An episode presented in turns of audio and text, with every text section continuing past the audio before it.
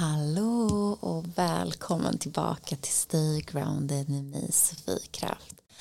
Och jag har verkligen längtat till idag. Det har varit ett långt sommaruppehåll och jag hade ju egentligen storslagna planer om att jag skulle ta med mig poddutrustningen på min sommarresa och bara intervjua massa häftiga coola personer och ge er en drös nya avsnitt. Men vet ni vad? Jag gjorde ingenting. Jag tog verkligen den här semestern för vila och återhämtning och det var nog precis vad jag behövde. För att nu känner jag ju sån pir och pepp och energi till den här hösten och alla spännande gäster som jag har bokat in för er. Idag så välkomnar jag in vår första gäst, Tobias Karlsson. Ni kanske känner honom som den här härligt sprudlande, glada Let's Dance-Tobbe. Han är även personlig coach, författare och föreläsare. Och jag vill in honom för att prata om motivation. Han har nämligen tidigare år släppt en bok Hitta motivationen genom livets toppar och dalar tillsammans med Magdalena Forsberg. Tobias och jag har känt varandra i ungefär ett år. Men innan det här mötet så kände jag ändå att jag ville göra en lite mer grundlig research. Och jag läste då hans första bok Inte alltid en dans på rosor. Och den berörde verkligen mig. Så jag var helt tagen faktiskt innan jag eh, skulle träffa Tobias och även av, av vårt samtal för att hans liv har verkligen inte varit helt enkelt och jag tror att hans mening är att inspirera och hjälpa andra människor och faktiskt göra världen till en lite bättre plats. Jag är så otroligt tacksam att han har kommit in i mitt liv och jag är så tacksam för det här samtalet och ser fram emot att dela det med er. Jag hoppas att du delar det här vidare till någon som behöver det. Tack. Här kommer Tobias Karlsson.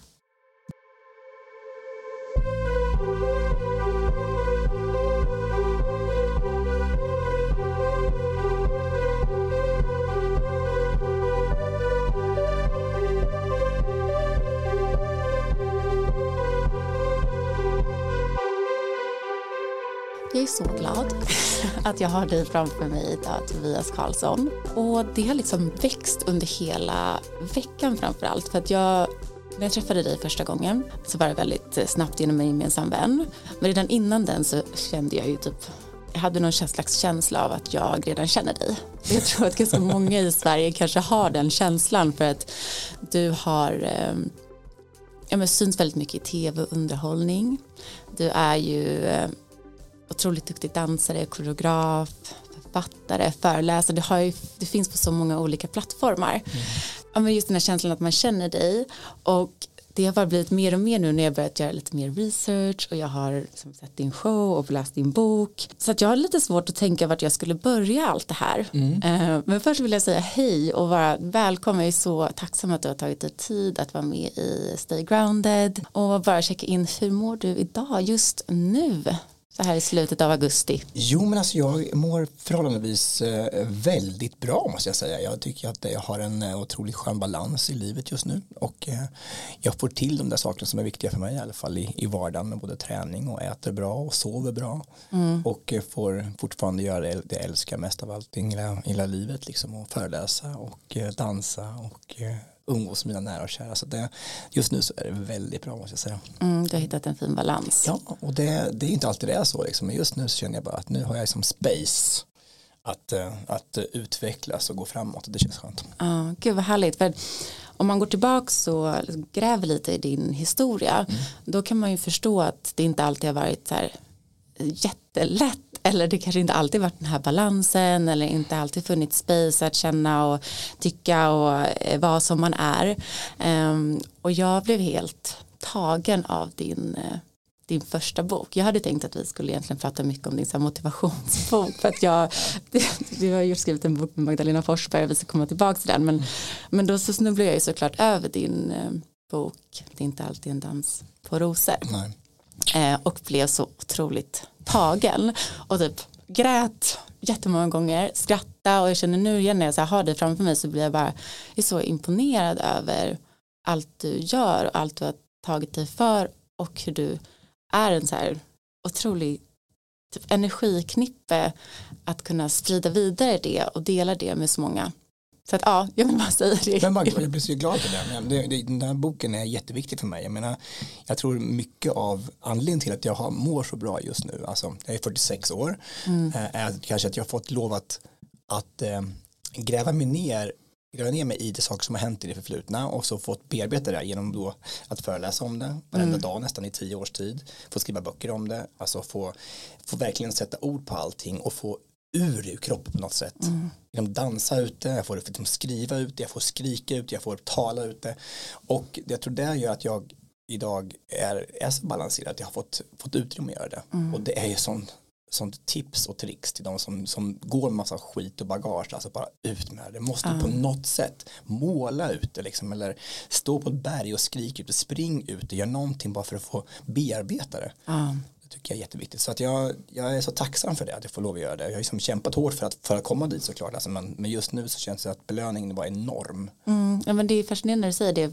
För man förstår ju verkligen att du har så många olika uttryckskanaler mm. eh, för att få ut allt som man har gått med om alla vi, man växer upp, det händer olika trauman, man går igenom olika saker, man vet inte vem man är, vem man vill vara, allt det här, men det är inte alla som vågar uttrycka det, kanske inte ens för typ sin närmsta vän. Nej, precis. Och jag kommer ihåg den första gången jag skulle göra min första föreställning. Mm. Så tänkte jag så här, vad ska, vad ska den här handla om? För det är dansikalen. Ja, dansikal. Alltså dansikal, vad är det för ord? Jag, är jag har myntat det själv. Jag, jag, alltså, jag, det själv. Tycker jag förstår inte att jag inte har använt det tidigare. Jag vill att mitt precis. liv ska vara en dansikal. Alltså. Ja, och hur kan inte världen använda det förut? Jag förstår alltså, inte heller. Jag är helt tagen. Jag fattar ingenting. Nej, dansikal, precis. En dans på rosor. Men det var första showen. Första showen, precis. Och när jag skulle göra den så tänkte jag, vad ska det här handla om? Jag var så säker på att jag skulle göra en, en dans dansikalen skulle handla om någonting. Men då är det inte så självklart att det ska handla om, om det man själv har upplevt. Nej. Först man kommer på att när man är bara, vad jag kan egentligen, vad, vad, vad, kan jag dela med mig av? Har, har jag verkligen upplevt någonting? Har jag mm. någonting som andra människor skulle kunna eh, gagnas av att lyssna på eller mm. höra på eller se. Så att eh, det var inte självklart då, men just att hitta den, att våga gräva i sin egen påse liksom och ta fram det som ligger en varmt hjärtat och som är kanske lite det är ju, så, det är ju skrämmande samtidigt att ta fram de där mm. innersta tankarna och sådana känslor så här, och visa upp dem på en scen såklart. Alltså, men, men belöningen igen har ju varit enorm. Men i det arbetet, har du gjort det själv eller har du gjort det med hjälp av coaching eller gått i mycket terapi? För idag är du coach bland annat. Mm. Eh, men tog du det som verktyg när du började luckra upp dina liksom, inre Um, Knyten. Det roliga det här är att jag fick, jag fick, uh, jag har ju bara dansat i mitt liv egentligen, det är det jag kan. Mm. Som jag inte, kan inte så mycket annat, kan räkna till fyra, that, that's it. Uh, men sen Lögn. Så, men, men så, så fick jag alltså frågan från uh, en kvinna på Södertörns högskola om jag ville komma och föreläsa där, för då, ja, nu är det säkert 14 år sedan. Mm. Och, eh, och jag, alltså, jag, som jag är, liksom, jag bara, ja, det kan jag göra. Yes, yes man, liksom. Och så sa jag till det. Jag hade ingen aning om vad jag skulle göra. Alltså jag skulle prata om, alltså, ingen aning alls. Liksom, och jag liksom deala med de här sakerna. Vad jag liksom varit med om, började skriva ner sig på tåg överallt jag åkte så här bara med mitt liv. Men just det, det här hände ju på högstadiet med, med utanförskap och mobbing och och, och hur kom jag ur det liksom. Vad lärde jag mig från det liksom. Och sen hela hbtq-grejen, jag kom ut som homosexuell. Eh, och, och hur jag har liksom försökt att hur det har varit en, en otrolig en jobbig eh, process att komma fram till att jag faktiskt vill dansa, att jag älskar att dansa. Mm. För att det har inte varit självklart att hålla kvar det, för det har varit så mycket skit runt omkring det. Men att ta de där orden då först i sin mun, liksom att uttala de här glåporden som jag hörde i skolan och ta, ta upp det som mammas reaktion när jag kom ut homosexuell och de här sakerna, det, mm. det var ju så sjukt laddat liksom. Mm. Och det, det, var inte så, det var inte alls kul liksom. Nej, Men ju, och behöva gå tillbaka och känna det igen. Ja, precis. Och det var inte så, så, självklart. Men på den vägen här. Och då, när jag skulle göra den här föreläsningen, så kom jag ihåg att det var en journalist som jobbar på Mitt Nytt, något där, tror jag, som frågade om hon fick följa med på den här första föreläsningen och lyssna. Mm. Helt absurt, liksom. Mm. Frågade bara om vi fick ta lite notat, liksom, och liksom, lite feedback. Och jag bara, ja, kan, kan du väl göra, liksom. Och lite visste jag att då skulle hon sitta ner med mig tre timmar efteråt och verkligen gå igenom det här, gräva, sätta, liksom, det här var inte bra, det här var bra, mm. det här mm. var inte bra. Och de tre timmarna tror jag har liksom format allt det jag gör nu egentligen. Ah. att det blev liksom den feedbacken jag fick på min föreläsning och som jag sedan använt till, till böcker och till allting. Mm. De där tre timmarna är så otroligt värdefulla. Mm. Det blev som någon slags karta kanske. Ja, var, var, vilken väg ska jag gå? Som, mm. att man, som ett labyrintspel, så jag är på väg åt rätt håll och inte dra ner ett hål. Liksom. Mm. Så, att, så det, det är det enda egentligen terapin jag har fått eller feedback jag har fått på min föreläsning. Mm. Så här, och det, det är jag så tacksam för. Mm. Men du pratar i boken om att dansen har varit så nu pratar jag om första boken, att den har varit så liksom, viktig i ditt liv, att det är också den som gett dig så mycket möjligheter. Um, och jag fastnade väldigt mycket för den här perioden som du åkte till USA. Mm. Um, för du berättade i din bok att du hade börjat gått på dans någon gång innan och mm. sen slutat för att det var, det kändes liksom, ja du kan berätta själv. Precis, jag älskar egentligen att dansa. Uh, jag hittade min identitet där hemma i Sverige på dansskolan med mina vänner där och min otroliga mentor som jag hade där hemma i Hallsberg som heter Lena. Men, eh, men det var ju också den som gjorde att jag blev mobbad. Mm. Ehm, att jag fick glåpord som, eller liksom smeknamn som feminin och femmi och bögjävel och det Så, att, så jag gav ju också den skulden till allt det där jobbiga i mitt liv liksom. Det, det måste varit en jobbig typ kamp med dig själv att göra det du älskade var samtidigt det som gjorde dig det du kände typ mådde sämst av? Enormt jobbigt ja. alltså. För att, att den där, den där slagsmålet mellan två känslor, att jag älskar att göra det, men det som gör att jag mår också skitdåligt. Mm. Så jag hade liksom gett upp det, jag skulle inte åka, jag skulle åka till USA och aldrig mer dansa, det var liksom själva planen. Mm. Men på något sätt så hittade jag den där borta igen, jag fick, fick, åkte med och tog en danslektion där borta, en ballettlektion med min eh, värddotter som var där, som var i samma familj som min värdfamilj.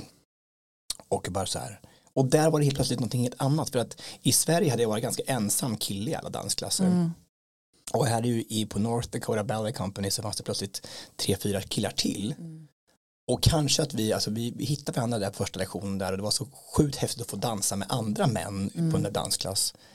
Och då känns det lite lättare att, att, att uh, axla de där, de där öknamnen.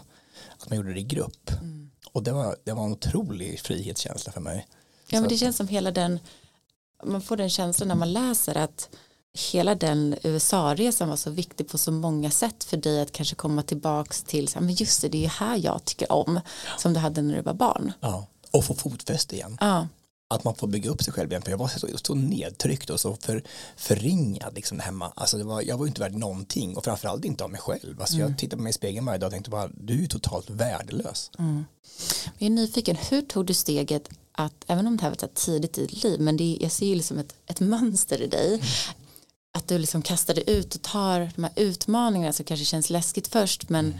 att du tar dig an det och sen får man se vad som händer under den tiden och sen så kommer det ut starkare mm. och du delar det du har um, det du har lärt dig ser du själv det mm. i ditt liv för det blir så tydligt när man när man har läst om liksom biografi man kan se de här liksom punkterna det kanske är omedvetet, det kanske är när man går tillbaka och kollar i efterhand men brukar du se det så att du hittar mål, eh, utmaningar som du vill lära dig någonting av, haft den här oräddheten att liksom kasta det ut och ehm.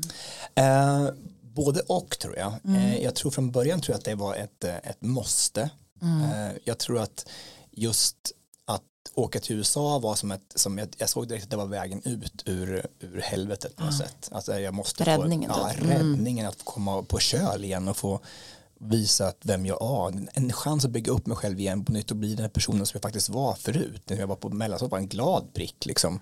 Jag var inte glad längre. Mm. Så det blev ett måste. Och på samma sätt när jag skulle komma ut så var det också att det går inte att gå med de tankarna. Men jag hade ju, hade ju bestämt mig för att det sista jag skulle göra i mitt liv var att komma ut. Jag skämdes mm. så sjukt mycket, den skammen var så stor. Liksom. Jag hade lärt mig så mycket om att homosexualitet är bara så tabu, det är så äckligt. Alltså det här liksom, varenda... Så du hade inte ens att så här, någon dag ska jag göra det, det var bara så här, totalt nej, det här, det här kommer jag leva med, det är min stora hemlighet för resten av livet. Jag kommer ihåg jag låg hemma i sängen så många nätter och, bara, och, och kunde inte sova och bara tänkte på hur, hur äcklig jag var. Nej, och, ja, det är så hemskt. Ja, men alltså, det är på riktigt, alltså, jag kommer ihåg att jag sov inte så många nätter alltså överhuvudtaget för jag kommer ihåg att jag hatar mig själv så mycket. För att det var så här för, för såklart att, att impulsen och den här instinkten att, att älska män som mm. jag har som jag är född med liksom, den var ju så stor så efteråt så blir det sån otrolig ångest att man liksom inte att det här får man inte göra det här var så sjukt fel liksom mm. och det var fruktansvärt kommer jag ihåg Och använder du dansen redan då att kunna uttrycka den? För vart tog allt det här vägen? För har du liksom har du varit aggressiv? Har du liksom, eller var det bara dansen som blev utlopp? För jag tänker, vart samla eller blir du sjuk? Alltså när jag gör det där, mm. om någon som förtrycker sina känslor så länge, det kommer ju ta väg någonstans. Jag tror ju så himla mycket på att vi, allt vi går igenom lagras i vår kropp mm. på ett eller annat sätt. Eh, om, liksom, man kan massera ut, man kan dansa ut, man kan stretcha ut och göra yoga mm. varje dag. Det finns så många verktyg vi kan använda. Men eh, när man är ett barn eller tonåring, mm. vad, vad gjorde du? Jag tror att, eh, eh, jag visste jag kunde få ut en del av det i dansen såklart, dansa ute, men jag tror att mamma fick ta det mesta. Ah. Alltså verkligen, jag utagerade på mamma och eh, var inte kul som tonåring alls. Mm. Menar, eh, jag har ju en bror också så här, men jag kan, aldrig, jag kan inte ens minnas att han och mamma, mina, mina föräldrar har bråkat någon gång. Och jag tyckte jag bråkade med dem hela tiden. Jag tog alla strider som fanns liksom, och det så orättvist. Alltså, mm. och, och, det känner jag nu också. Jag hör ju mina vänner som har barn också. De, de är så bara, vad är, vad är det för fel på mig? Liksom, vad, vad gör jag för fel? Det är ju inget fel. Mm. Det är bara att det är så mycket hormoner, det är så mycket känslor som ska ut någonstans. Och det enda gången man kan göra det är när man känner sig helt trygg. Mm. Och då är det mamma eller pappa eller någon syskon som får ta den där skiten. Och det är så och det är ju fruktansvärt att det ska vara så. Jag hoppas att man har bett om förlåtelse för det tusen gånger. Liksom. Men, men, men, det är, men det är ju, det, det ska ut någonstans. Uh, och det, det går inte att, medvetet reglera det på något sätt. Det är, man fick ta så mycket mm. skit. Uh, och sen tror jag också att som du säger att man, man, man bär med sig resten av livet. För jag känner att många gånger idag, den är 2023, och jag råkar ut för någonting, en situation där jag känner att jag blir lämnad, att jag blir eh, för, förbisedd, alltså, så tänker jag att då reagerar jag extremt hårt på det. Ja.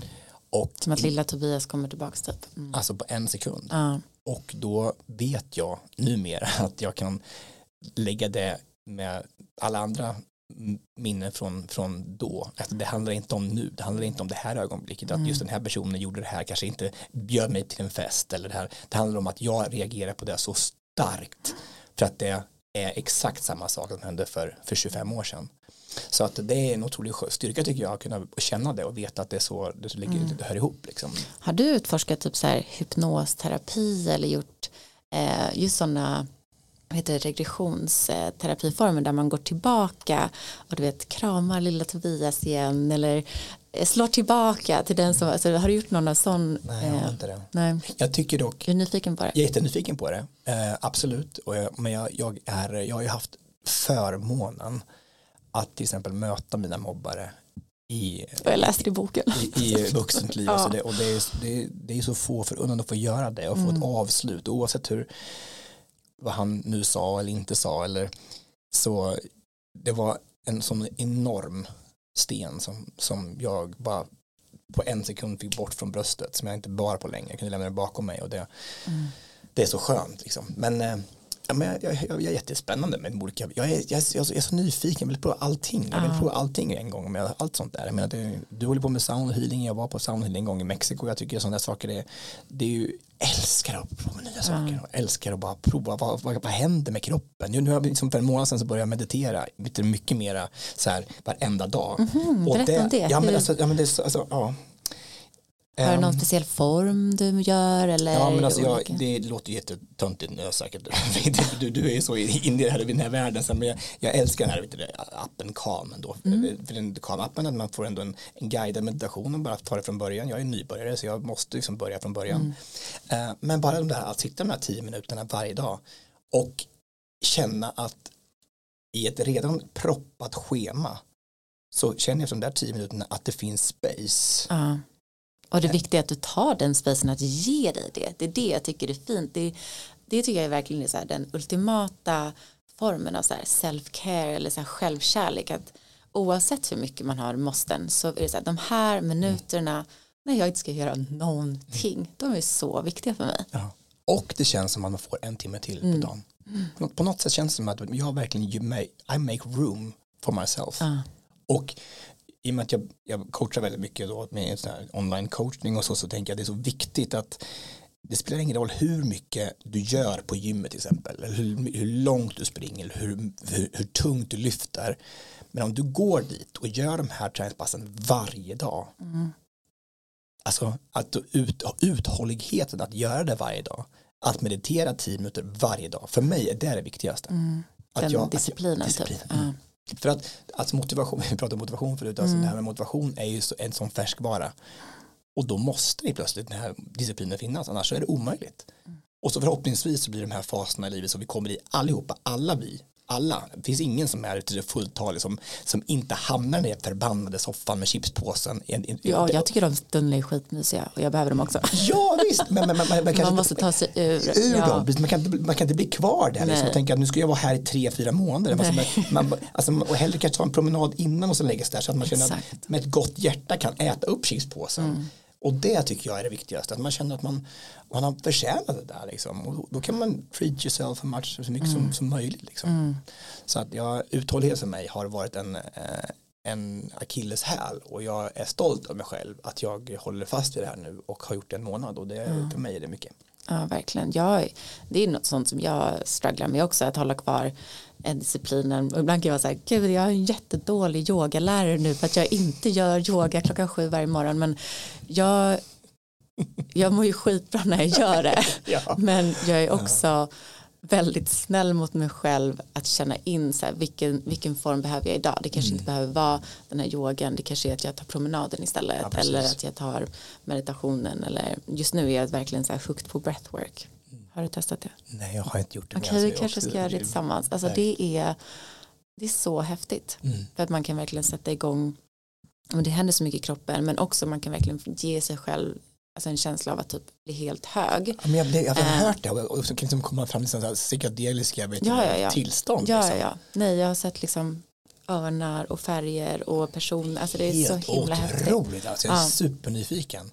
Verkligen. Men just det här man, när man håller på med någonting så här, du håller på med vad du gör liksom, och är superduktig på det och jag är väl ja, i alla fall habil på det. det. Alltså, men, men jag tänker, jag tänker bara att, att då det plötsligt så här bli så här skomakarens barn lite grann, Ja. att man inte gör saker och ting. Jag, menar, jag och Magda beskriver den här boken om motivation då som då handlar om sex områden som vi tycker ska vara i balans i livet för att vi ska Mm. må bra. Men, och då, då, då, då träning, det är kost, det är relationer, det är hur jag tänker och det är syfte i livet och så är det då återhämtning. Mm. Vi bara, men ska vi verkligen skriva kapitel om återhämtning för vi är verkligen sämst på det. Sämst. Vi, varje gång bara vi bara till en bok bara, nej men det här måste vi riva ur, det här, det här det gröna kapitlet kan vi inte, kan vi inte stå inne för. Så här.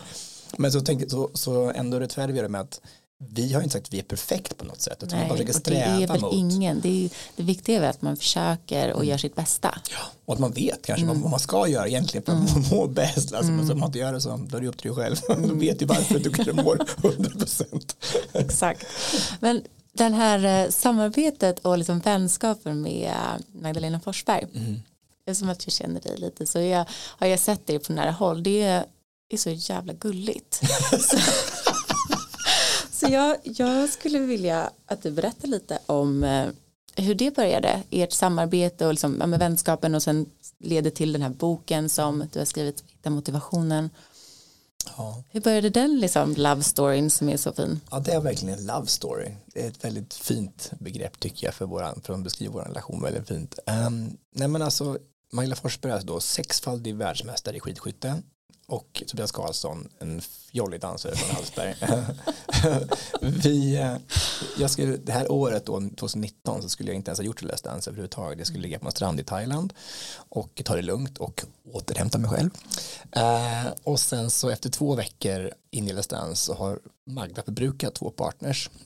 Och jag rings in i panik för att hon har ingen partner att dansa med. Så det är verkligen sliding doors. Jag slidade in hennes liv på ett bananskal. Verkligen. Jag skulle inte alls göra det liksom. Men det är som att från början så liksom universum var så här. Ja, fört er Ja, tillsammans. verkligen. Alltså som, så här, som yin och yang och bara ni ska göra det här tillsammans. Så här. Och fick en fantastisk resa med Magda. Liksom. Hon, eh, hon, hennes största styrka är ju att, att oavsett vad hon har upplevt i sitt liv, vad hon har uppnått, presterat, så är hon fortfarande den mest jordnära tjej jag har träffat. Alltså hon, är, hon står med bägge fötterna solidt rotat i jorden och har ett pannben av stål, alltså hon är helt enorm, man vinner inte världscupen sex år i rad om man inte har pannben, alltså hon har liksom, kan ju stå och staka i 70 timmar, det spelar ingen roll, hon slutar liksom inte. Men samtidigt har ett hjärta av guld, alltså hon, hon vet liksom från, från början, liksom första veckorna så, här, så träffade hon mina kompisar så här, och då frågade jag hur de mådde så här, och kom ihåg sen nästa gång de såg så vad, vad den människan gjorde och hur den människan och frågade hur det går det med, med bilen? Eller hur går det med din mamma? Man så bara, mm. men vem är du? Liksom, hur kan men du alltså, ha jag, hjärta? Du säger så, det känner jag att så är du men så är jag inte. Du, du kan också så här dansa i tio timmar utan att bli trött och du kan vara med i liksom, 20 säsonger av Let's Dance. Du är fortfarande lika så här sprudlande glad och liksom, ger allt i alla situationer. Och du kommer också ihåg när du träffar mig hur är det och det? Alltså du är ju det är, så, det är svårt att komma glömma den det ögonblicket. Tyst nu det är så. Jag ser, alltså, mig känns det inte konstigt att ni två har blivit ihopparade egentligen av universum. När ni är, ni kanske är motpol på vissa sätt, men ni har ju också så samma grund, eh, mm. fina hjärtan eh, och ser ja, människor och tar hand om er själva. Jo men det, mm. det, det, det, försöker vi göra Mm. Alltså, men det är sådana här gånger när man tänker att det här är så osannolikt. Alltså, vi, så många gånger har vi en gång så så hade jag kommit hem från en resa långstans och skulle jag på, jag skulle in till Skövde för att eh, låna en, hyra en bil som nyckeln låg på eh, hotellet i Skövde så här. Mm. Och, när, och när jag kom gående där så kom Magda gå mot mig mot entrén så här i Skövde. Jag bara så här, det här, det här är, det, det, bara, what där. Mm. Mm. bara helt stört. Och så några veckor senare så var jag nere på ett jobb i Tylösand och så ringer jag till Magda och säger vad gör du? Hon bara, ja jag är i Tylösand på jobb. Jag bara, nej men, nej men, alltså, nej, men det, är inte, det här är inte sant liksom, det är inte klokt. Möts i rulltrappor så här någonstans i Sverige. Man bara, men, men, vi, vi, jag har inte en aning om att du var här men alltså, nu är vi här igen. Liksom. Och det är ju bara så att jag känner att den här energin som jag har den är helt makalös. Det är så här, den är så unik. Mm. Och menar, jag brukar alltså, jag har inte varit så många relationer så här, mycket förhållanden så här, men, jag, men jag känner bara när Magda sover över och vi ligger hemma i sängen så här, och bara pratar mm. om livet, om döden, om så här, så känns det så rätt liksom. Mm. Och vi är ju inte ihop så här, men alltså, det är bara en otroligt fin relation som jag värdesätter otroligt högt. Så fint. Alltså, vissa är ju bara glada att man hittar sin liksom, mm. soulmate. Men ni har ändå valt att dela med er av era lärdomar och styrkor till att skapa en bok tillsammans. Mm. Hitta motivationen genom livets toppar och dalar. Mm. Och den kommer också från universum på något sätt. Alltså, den kommer från ett förlag som var helt alltså externt bara frågade om vi två ville skriva en bok tillsammans och varför skulle vi det? Jaha, så de hörde av sig till er? Ja, det är inte, som inte så att, att, det är inte så att alla par eller stans inom femte säsongen får ett fråga om att skriva en bok tillsammans, Nej. är det ju inte liksom, men just oss två kände väl att det här, här finns energin och här ja. finns det någonting att berätta och det har vi känt från början, för att hon är också så här jämt så här, alltså inte jämt såklart, alltså, men utåt sett så är hon ju alltid glad, liksom. hon, oavsett om hon delar ut pengar i Postkodmiljonären eller om hon är med i Fångarna och fortet eller hon är mm. med i något annat tv-program med kommentator alltid så sprudlande glad, man bara, vad förbannade människa, för är du så förbannat glad? Så är du med ju. ja, men, ja, men det kanske är den energin som det finns ja. en baksida också, där vi, vi gråter också ibland. Liksom, men men det, är, det är så fantastiskt med att det är så. Och, det, och det är verkligen sån ynnest att vara hennes, hennes aura. Alltså jag mm. älskar det. Alltså. Mm. Och nu ska vi faktiskt verkligen få göra det här, ta den här boken för vi var jag berättade om processen. Jag var med på din bokrelease och såg resultatet och alltihop. Mm. Men boken handlar om motivation. Ja, det är den. Och vi, och vi de här områdena som jag pratade om förut. Mm. Och ramberättelsen då i den här boken det är ju att vi tyckte vi behövde, vi pratar så mycket om syfte och mål i livet och så, och så ville vi ha liksom ett konkret mål i boken. Mm. Och vad är då mer liksom symboliskt än att, än att bestiga ett berg. Mm. Så att vi tänkte att vi skulle, först skulle vi oss på Elbros, liksom Europas högsta mm. berg i Ryssland. Mm. Men den 24 februari det här året så gick ju då den här knallhatten Putin in i, in i, uh, i Ukraina så det gick inte, inte så bra. Mm. För, för, att grunden var inte bara att vi skulle upp på ett högt berg för att syftet var att vi ville belysa orättvisorna som finns i världen. Alltså med just i hbtq-frågor. Mm där det fortfarande är dödsstraff i så många länder, alltså över tio länder i Sverige så är det så här dödsstraff på att vara en medlem av hbtq-familjen en gång, alltså vara homosexuell. Eh, och alltså livstidsfängelse i många, många, många fler länder. Så det är så alltså, absurt och det går åt fel håll. Liksom. I, Uganda har de skärpt reglerna och går mot dödsstraff. Mm. Liksom. Det är så här man bara så här, vad är det som händer? Ja. I Tjetjenien så, så, så tillfångatar de homosexuella och torterar dem tills de uppger resten av sina, det, det, det, man bara så här, vad är det som händer liksom? Ja.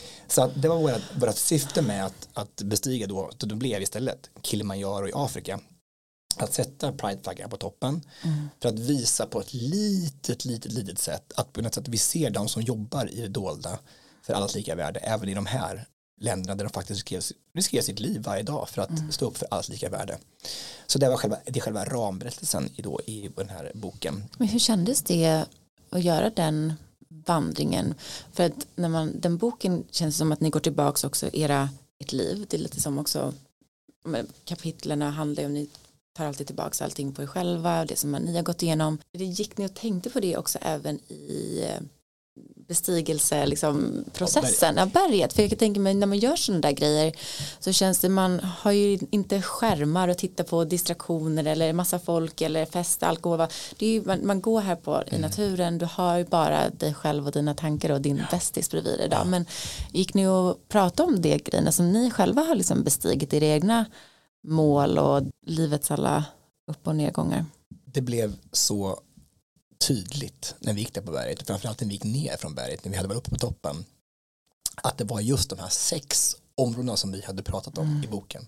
Att vi hade ätit jättebra på vägen upp, det var mm. fantastisk mat på ett berg i Afrika, liksom, helt otroligt med kockar som bara lagade mat hela tiden, fantastiskt.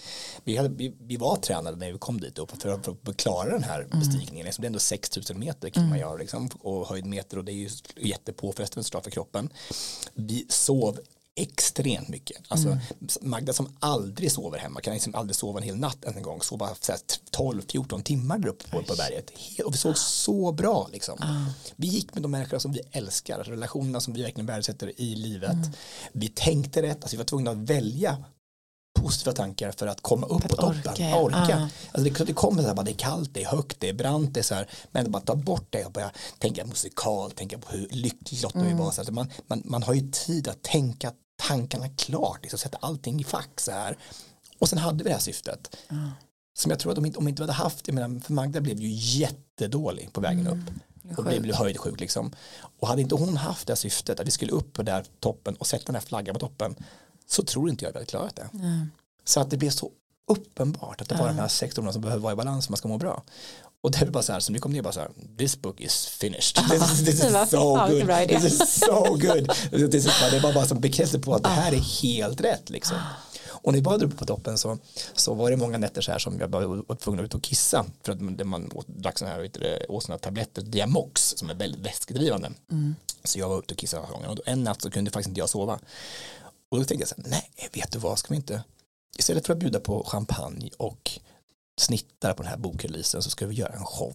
Mm. Det är dags igen nu tänkte jag så här. Ja, jag gör en show. Och så, så började tankarna bara löpa amok liksom. Och så den enda natten så gjorde jag den här showen i huvudet liksom. Jag, bara så här, det bara, det bara när man får inspirationen bara, det bara rasslade till. Och så gjorde vi den då och, och chockade alla liksom på den här. Ja, jag minns, jag var så chockad. För när vi kom, jag trodde att det skulle vara en vanlig bokrelease och så bara showen börjar snart. Jag bara showen, men bara okej okay, och fattar ingenting. Och sen jag älskar ju, alltså jag är ju riktig musikalnörd och dansnörd. Så jag var så här men gud vad kul. Så jag satt där och det var pirrig. Och sen så var det ju verkligen alltså det var inte så att ni gjorde ett dansnummer och sen berättade om boken utan det var ju en timmes full on show. Alltså det var mm. otroligt. Den var så bra.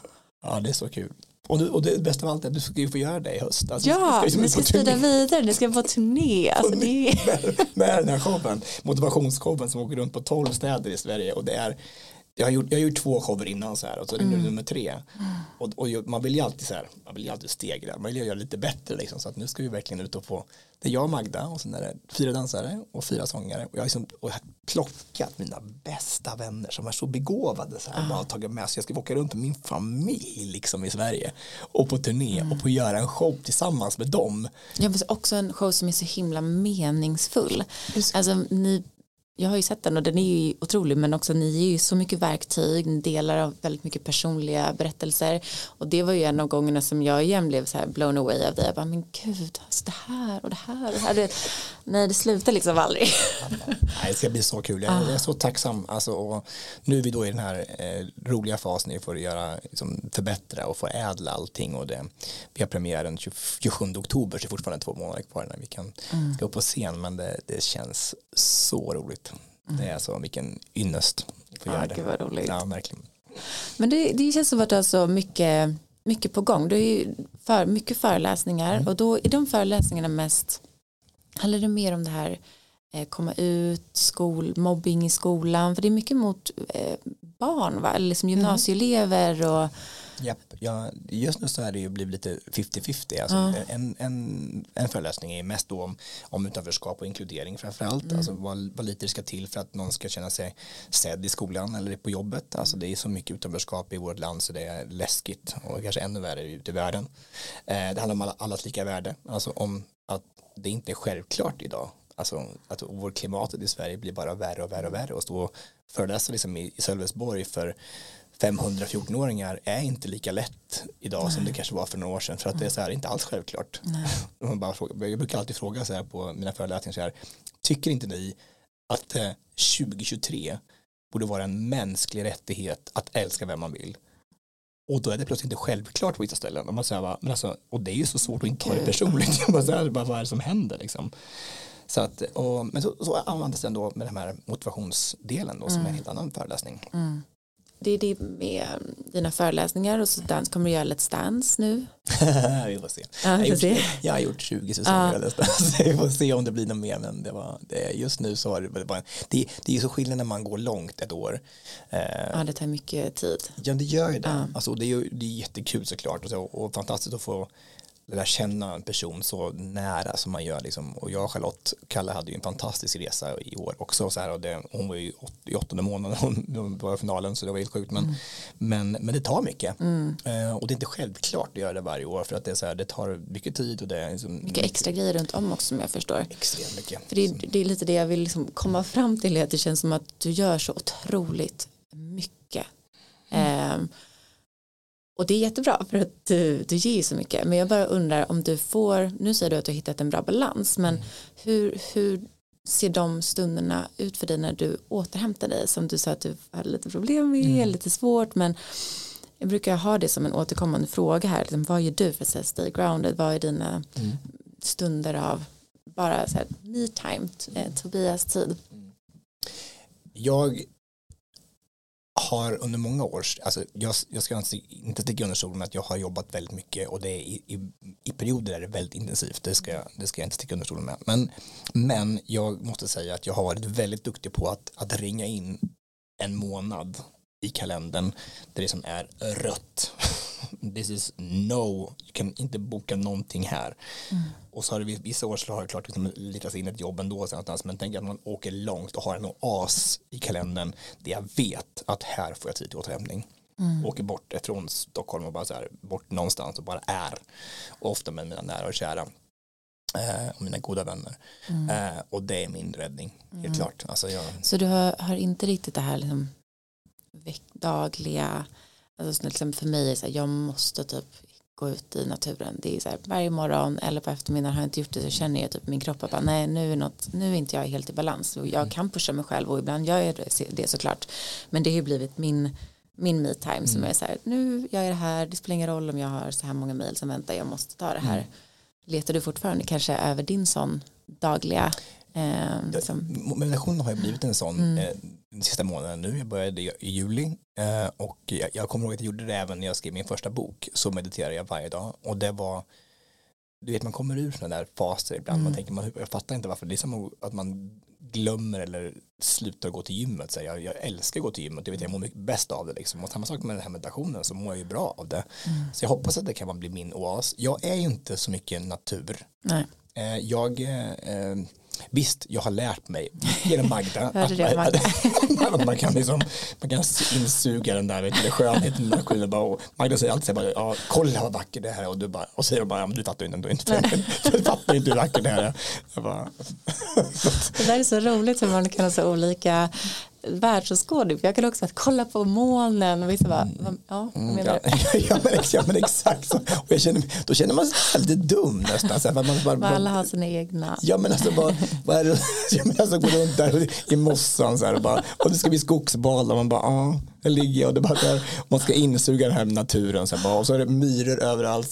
Det kla- klättrar spindlar och det är lingonris. Nej, det är inte dugg härligt. Jag fattar inte.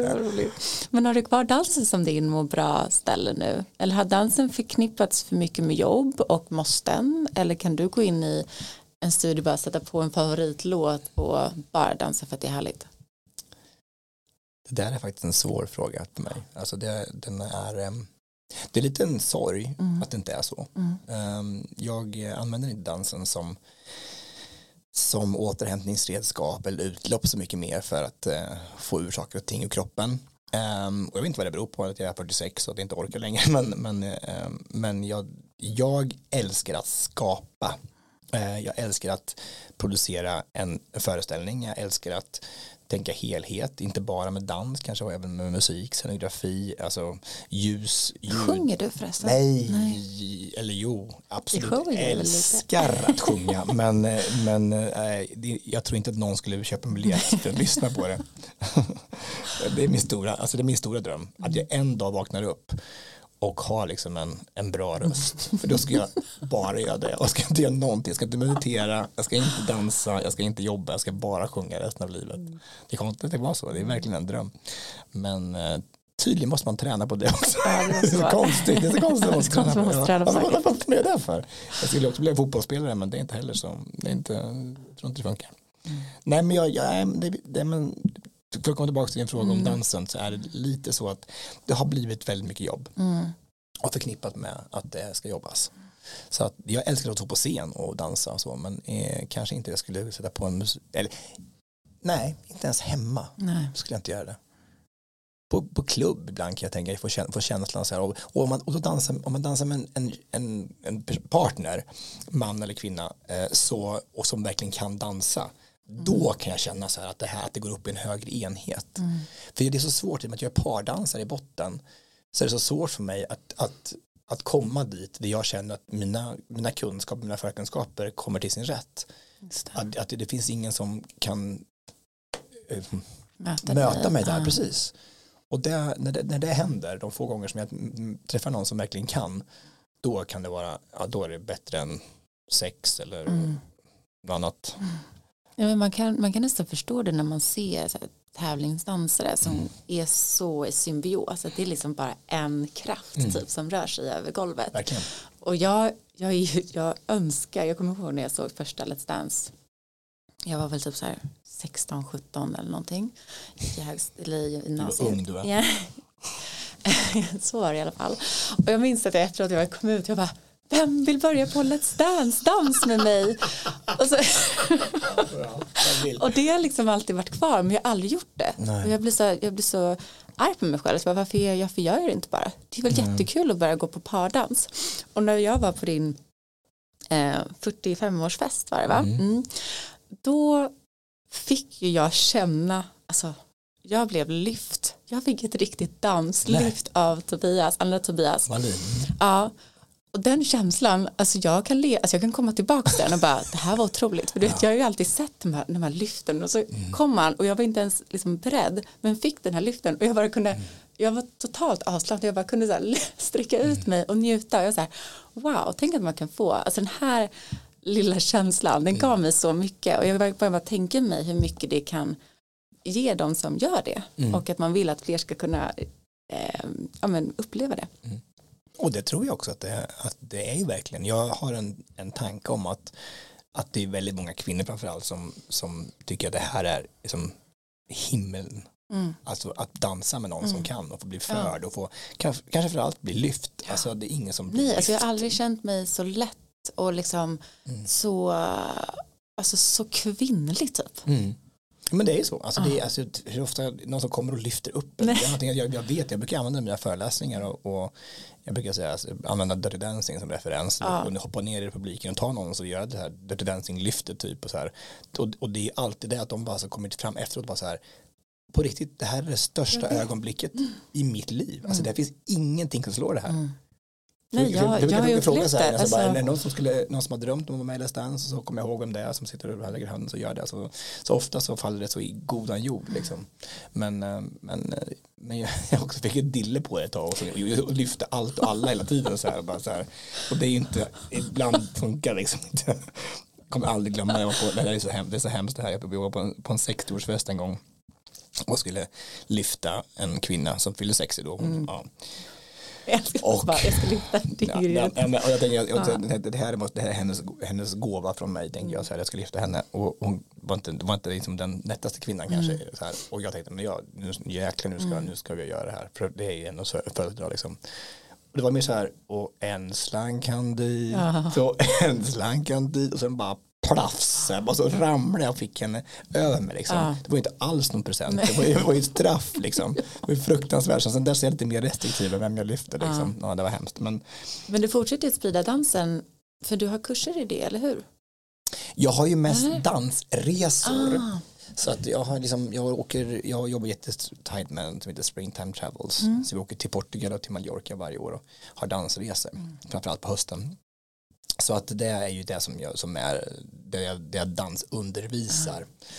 För att eh, jag har ju gjort mycket dansundervisning i mina dagar men jag tycker att det här är åka runt eller åka ner med en grupp människor som bara brinner för dans då, Mm. då, då, kom, då kommer jag till min rätt också och få inspirera. Så. Ja, och jag, alltså det händer ju någonting i dans. Just den här frigörelsen av energi. Jag, jag har ju mycket så här kvinnoretreat så vi har ju alltid dans, frigörande dans eller ecstatic dance som en del i slutet som blir liksom en att man kommer i extas efter allt arbete man har gjort och allt, man lärt känna varandra och man står och bara dansar, alla dansar för sig själv men det är ju något som, som händer och frigörs Mm, verkligen. definitivt. ja, det är det. Och det är ju någonting också med musiken och så här bara, och det, oavsett vilken musik det kan vara, man kan ju komma i någon typ av trans såklart. Alltså, och de dansar då två personer som är lite så här, man känner det här känslan med två vän, människor som rör sig tillsammans i musik. Mm. Ja, det, det kan ju verkligen gå upp i en högre enhet, verkligen. Mm. Ja, tur. Ja. En till sak som jag var nyfiken på ehm, som också känns som en eh, ganska stark så här, röd tråd genom din, din, din resa är ehm, din känsla av att följa din intuition. Mm. Och eh, du pratade lite grann om så här, Paulo Coelho. Mm. Ehm, är det, lever du fortfarande mycket med efter din in- intuition?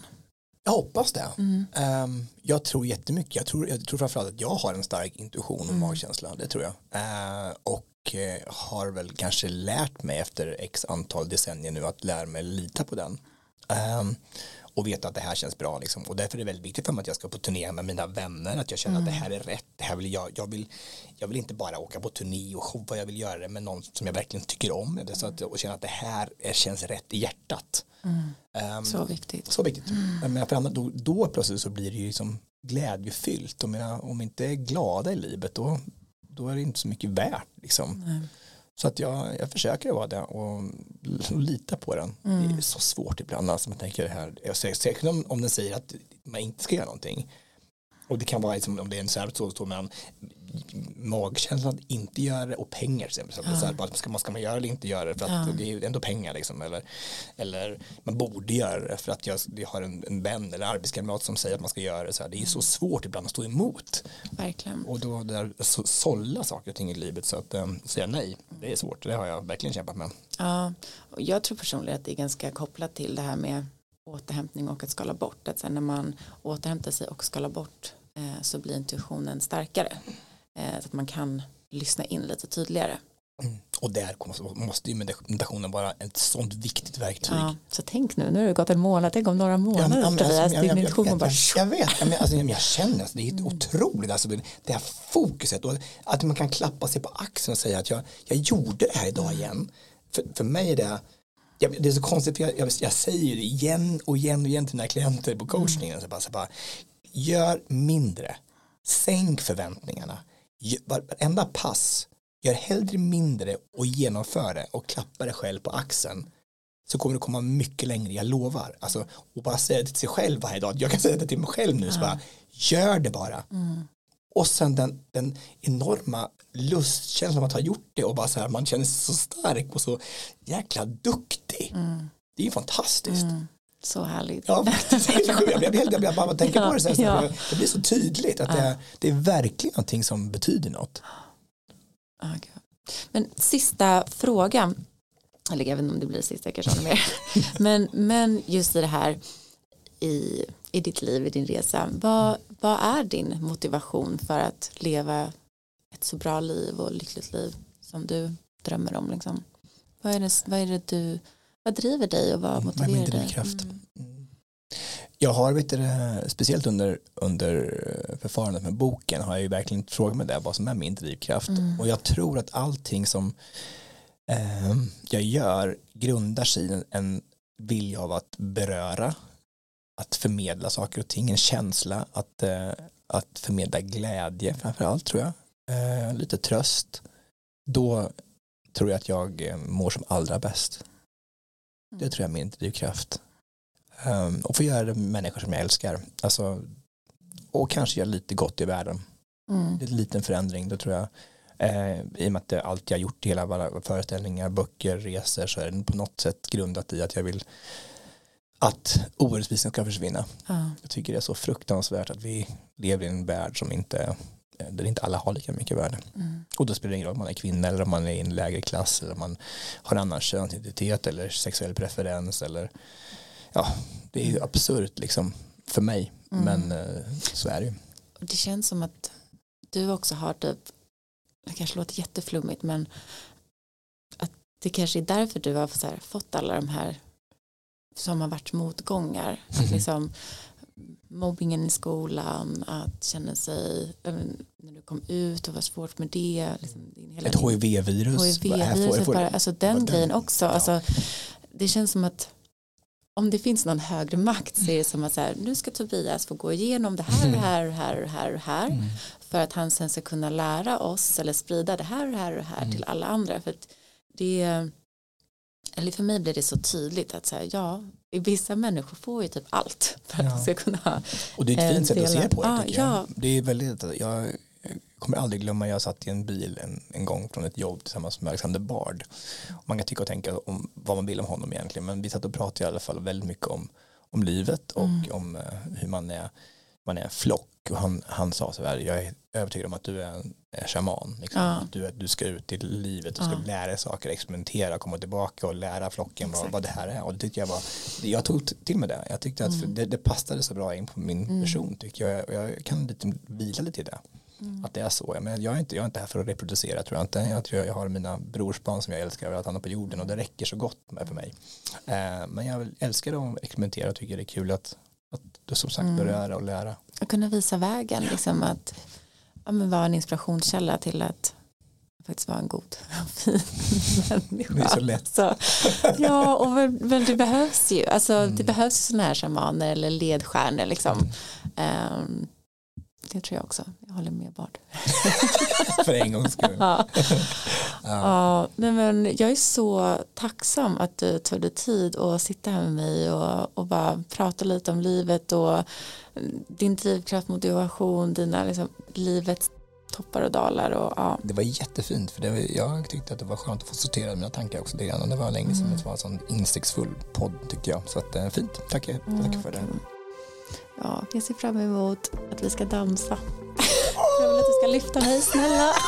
Jag lovar. Så fort mikrofonen är avstängd. Jag lovar, jag lovar du ska lyfta mig. Ja, men stort tack, snälla. Stort grej.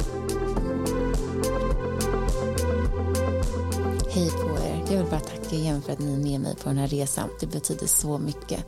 Och vill ni fortsätta stötta den här podden så prenumerera gärna och dela med en vän. Och det vore så fint om ni ville betygsätta så att fler kan få chansen att hitta den här podden. Alla de här små sakerna hjälper verkligen.